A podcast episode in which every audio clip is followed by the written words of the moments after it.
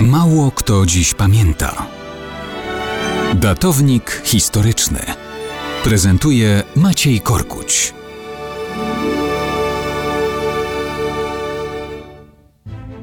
Mało kto dziś pamięta, że 22 lutego 896 roku władca państwa wschodniofrankijskiego Arnulf z Caryntii został koronowany na cesarza. Hmm.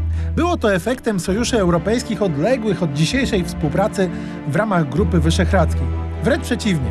W czasie, kiedy historia Polan i Wiślan ginie jeszcze w mrokach dziejów, Węgrzy byli ważnym uczestnikiem europejskich przetasowań politycznych. Arnulf był praprawnukiem Karola Wielkiego, wnukiem Ludwika Niemca. Z państwa wschodnich Franków kiedyś powstanie Rzesza Niemiecka. Tymczasem wschodniofrankijscy władcy musieli się szarpać z dość potężnym słowiańskim państwem wielkomorawskim. Ojciec Arnulfa nie raz sobie szczerbił zęby o miecze walecznych Morawian. W końcu musiał uznać ich niezależność. No, to by grało z dzisiejszym spojrzeniem na Grupę Wyszehradzką. Tym bardziej, że istnieją koncepcje, że państwo wielkomorawskie obejmowało również państwo Wiślan i Kraków.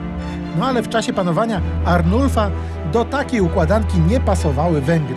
Te bowiem wraz z Bułgarami były sprzymierzeńcem germańskich wschodnich Franków.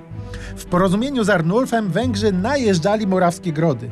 W 891 roku wspólnie z Germanami ustalili plany koncentrycznego ataku na monarchię wielkomorawskiego Świętopełka wraz z Chorwatami i Bułgarami.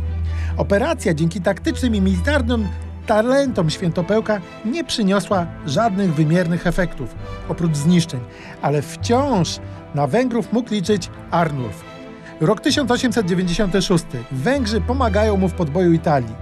On zajmuje Rzym i koronuje się na cesarza.